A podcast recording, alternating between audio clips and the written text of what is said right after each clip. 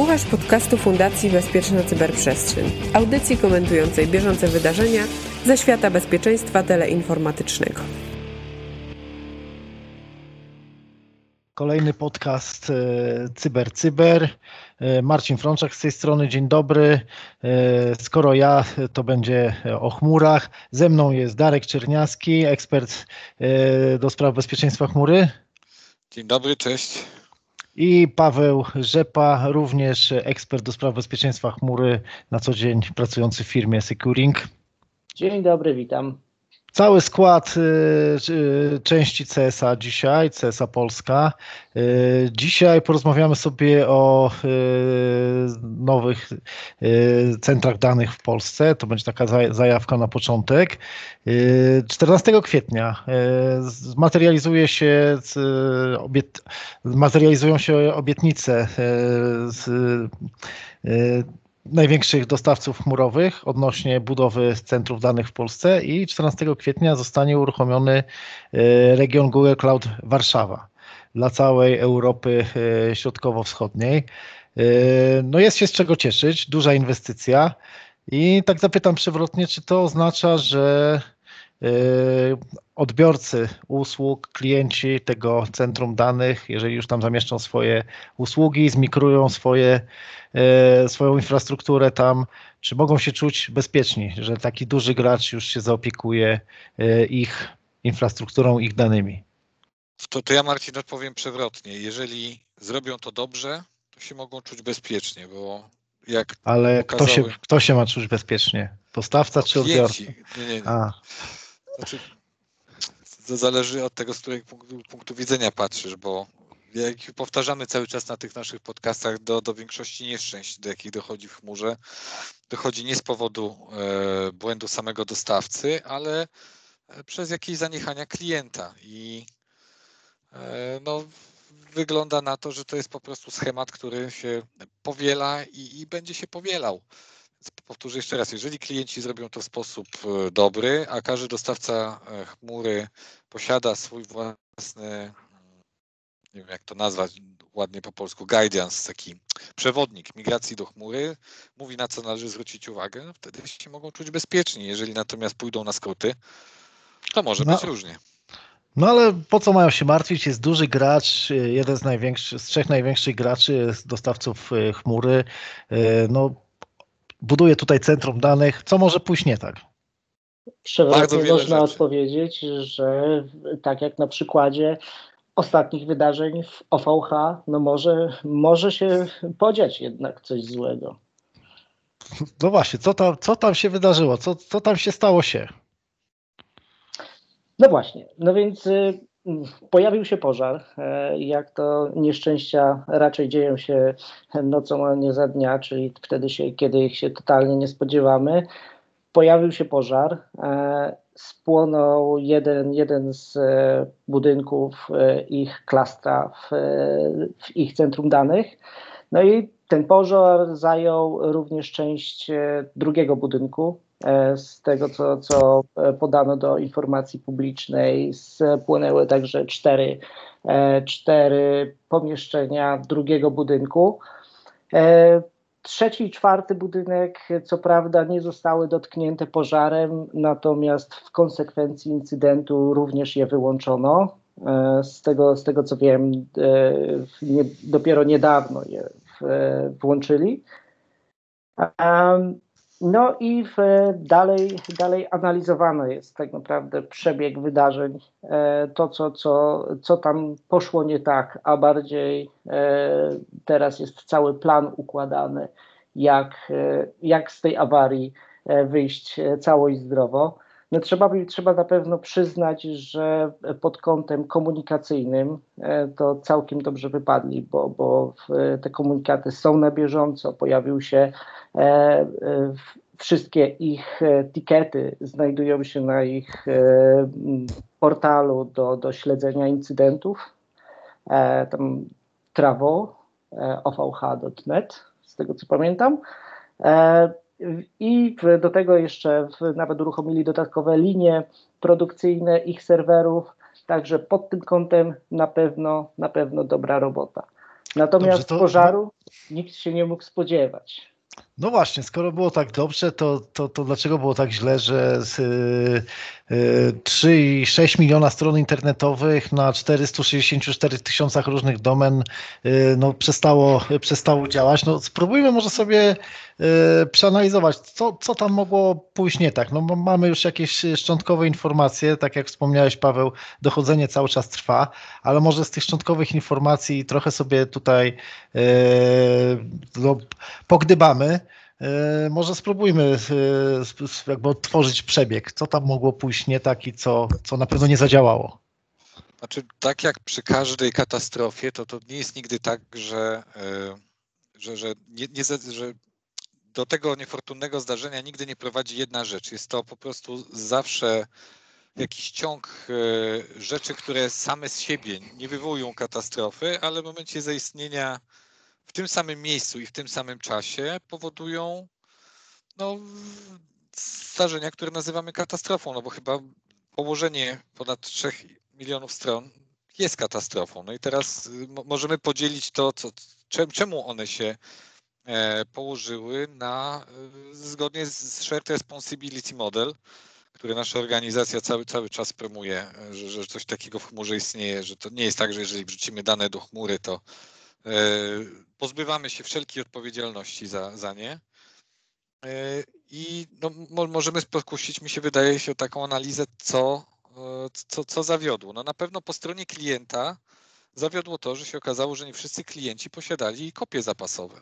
Ale to może dojdziemy do tego. Może zacznijmy od początku. Y, y, co, tak sobie pogdybajmy, co mogło być przyczyną, tak? Jakie są pierwsze doniesienia, od, od czego to się y, zaczęło? Powiedziałeś, że to jest faktycznie jakiś tam ciąg zdarzeń, to może spróbujmy ustalić tą, tą początkową przyczynę. Z, z plotek jakichś z doniesień wynika, że to mogły być UPS-y, które no, ich nominalnym takim przeznaczeniem jest to, żeby nas ochraniały jednak przed niedostępnością, a tu mogły się okazać y, tak naprawdę gwoździem do trumny.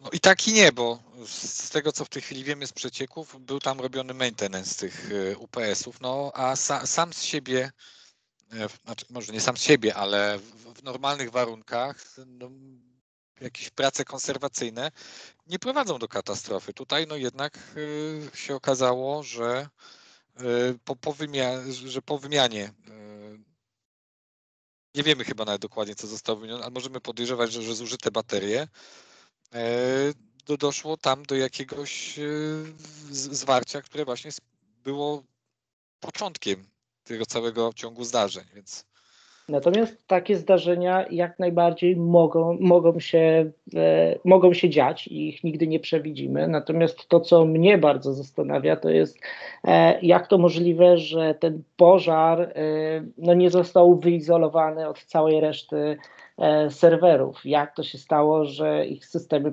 przeciwpożarowe nie zadziałały i go nie ugasiły? No właśnie, z, to poruszyłeś dobry, dobry motyw, bo z, z, tych zdjęć nawet, które tam były zaraz po awarii, w, wynikało, że ten pożar rozprzestrzenił się bardzo szybko i że, że, że to było dosyć gwałtowne, gwałtowna akcja.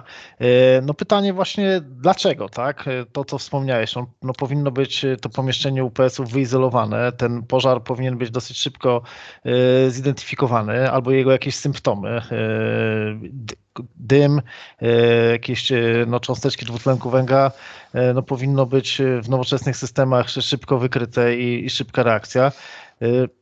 Dlaczego tak się stało, że ta konstrukcja tak szybko się zajęła ogniem?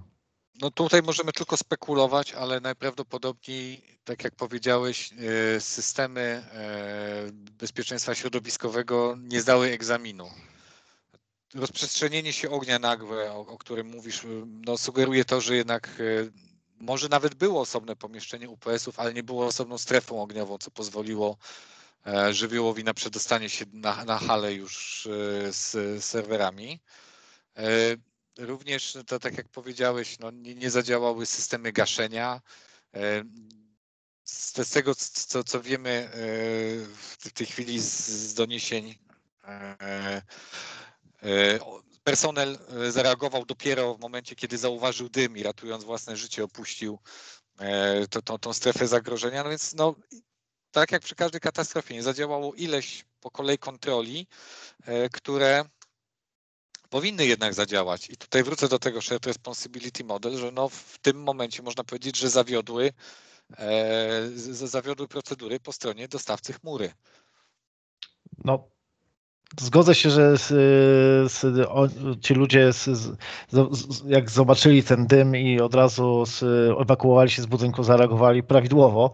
Tylko pytanie właśnie, dlaczego e, oni tak późno to zobaczyli? Czy to e, tak błyskawicznie się rozprzestrzeniło, czy jednak ktoś, e, bo też z doniesień wynika, że tych kamer e, w tym centrum danych było kilka, no to pytanie, e, dlaczego nikt tego na bieżąco nie monitorował?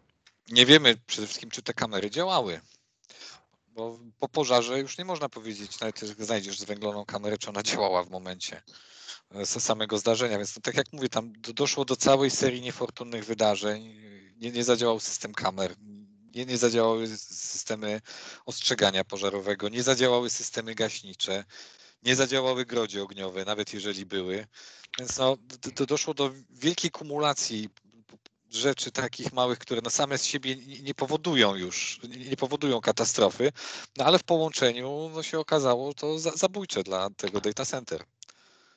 No. I chyba też warto wspomnieć, że te awarie tak naprawdę zdarzają się u każdego dostawcy. Zresztą w tym samym kompleksie w Strasburgu e, w 2017 też była większa awaria właśnie dostawy prądu i e, generatory też sobie wtedy nie poradziły, w związku z czym była większa awaria i większa niedostępność e, stron, dlatego że cała sieć szkieletowa OVH wtedy ucierpiała.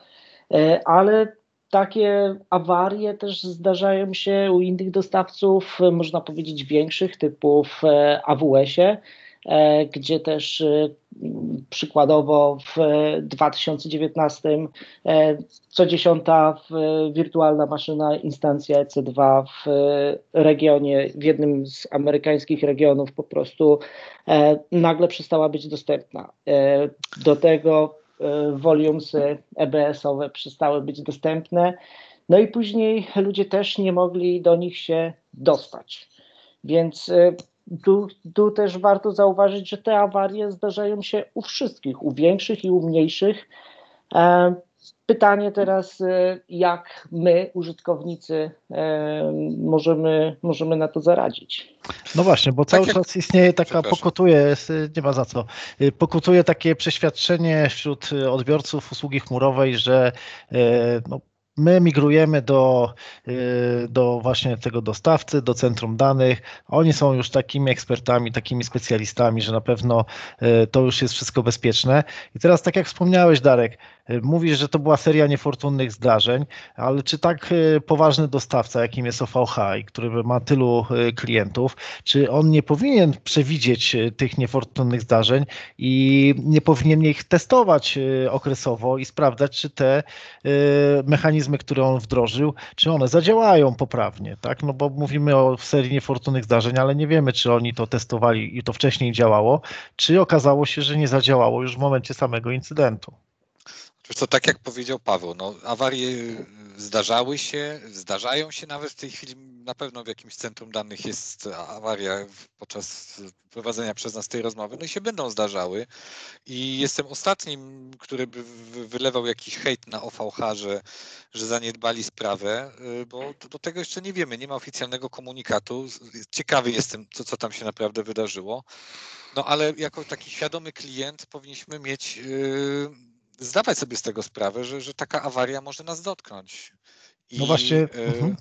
I tutaj dotykam właśnie tego, co powiedziałem na, na, samym początku, że, że nie tylko zawiodły e, procedury i kontrole po stronie dostawcy, no ale też e, klienci się okazali niefrasobliwi. Nie, tutaj wrócę do, do, do kwestii backupów. Ci, którzy mieli backupy, się przywrócili w miarę szybko, natomiast ci, którzy nie mieli, się musieli albo cały czas się, się borykają z jakąś przerwą w działaniu.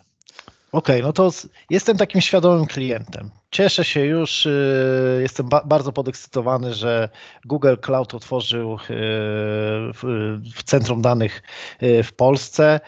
I co jako klient taki właśnie świadomy, o czym powinienem pamiętać, zanim się zmigruje do tego dostawcy? Co, co powinienem u niego sprawdzić, albo o czym powinienem pamiętać po swojej stronie? Pamiętam, że jak zaczynałem swoją przygodę jako informatyk, to starszy kolega mi powiedział, że, że ludzie się dzielą na, na dwie kategorie. Takich, którzy robią backupy i takich, którzy dopiero je będą robili. Więc w, praktycznie w każdym modelu chmurowym, e, może w, SASie najmniej, ale to jednak klient odpowiada za dane. To, to klient na tych danych pracuje, to klient produkuje te dane poprzez manipulację na innych danych i Czyli no, wracamy do tego, że backup zawsze warto mieć i może nie, nie tylko backup, ale też jakiś plan awaryjny na wypadek, kiedy jednak u naszego dostawcy y, zajdzie jakaś seria niefortunnych zdarzeń, która wyłączy dla nas kluczową usługę. No i tu pojawia się pytanie w takim razie, jak często robić backupy, e, czy robić backupy wszystkiego, no i jak podchodzić e, w ogóle do, do przygotowania takiego planu e, na, na niedostępność? No pewnie z, kolejnych parę podcastów byśmy o tym e, mhm. jakby nagrali, ale no przede wszystkim wiem, tak podskórnie czuję, że wiem do czego zmierzasz, żeby wykonać pewnie taką analizę wpływu na biznes i określić sobie te najbardziej e, dla nas krytyczne zasoby i czas ich odtworzenia i e, ten punkt przywracania żeby to określić i wtedy, wtedy będziemy wiedzieć, co backupować i, i, i z jakiego okresu.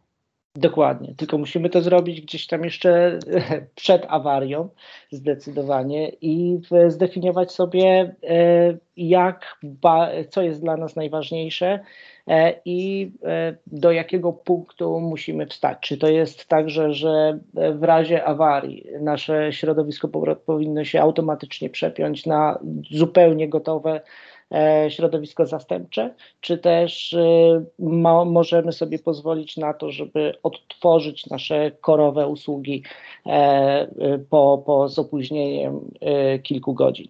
Albo nawet dni. Albo nawet dni. Wspomniałeś Darek o shared responsibility i no co oczywiście powtarzamy podczas każdego podcastu do znucenia e, i e, zastanawiam się, bo wspomniałeś też o procedurach awaryjnych po stronie klienta, e, ale czy, czy to wszystko, tak? Czy, czy to jest wszystko, czego co, o czym my powinniśmy pamiętać jako odbiorca tej usługi? Czy też nie powinniśmy zweryfikować, czy to, co nam deklaruje dostawca, czy to się dzieje w rzeczywistości, co w ogóle deklaruje, jeżeli chodzi o procedury awaryjne jak to zweryfikować?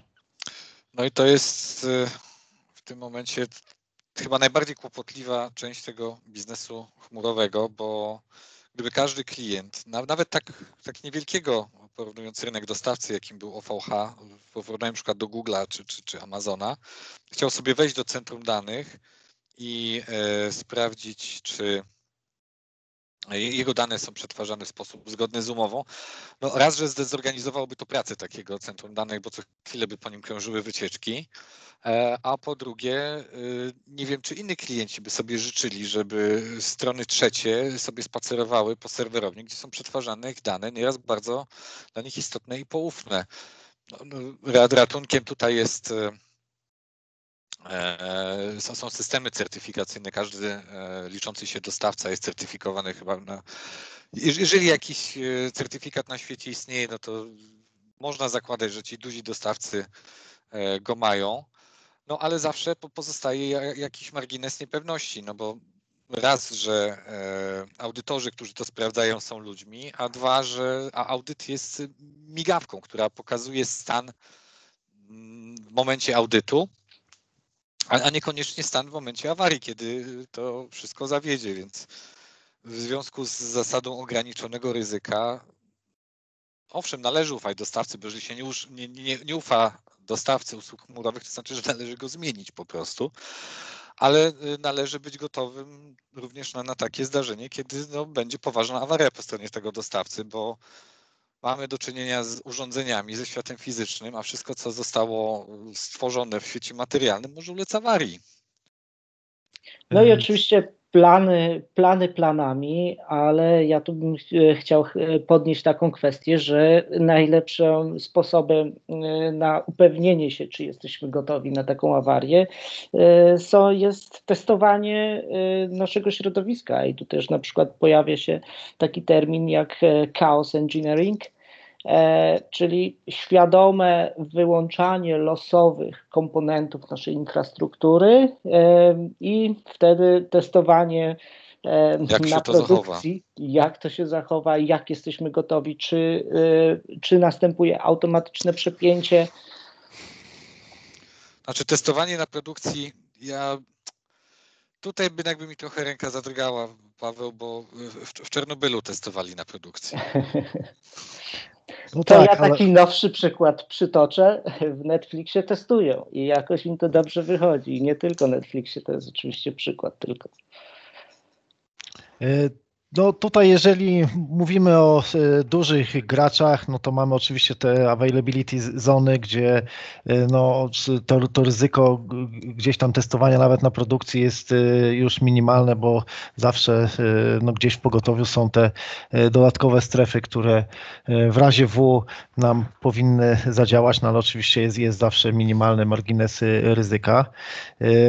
No powiedzieliście tutaj o, o tych certyfikatach, poświadczających e, stosowanie e, wysokich standardów. Są to zarówno certyfikaty dotyczące różnych systemów, czy to zarządzania bezpieczeństwem informacji, czy zarządzania ciągłością działania, e, które no, mogą dać jakiś tam obraz, że dostawca w jakiś sposób usystematyzowany zadba o nasze informacje. Są też standardy, które mówią o, o tym, że centra danych spełniają wysokie wymagania, czy to do, dotyczące zasilania, czy właśnie tego bezpieczeństwa e, fizycznego i środowiskowego.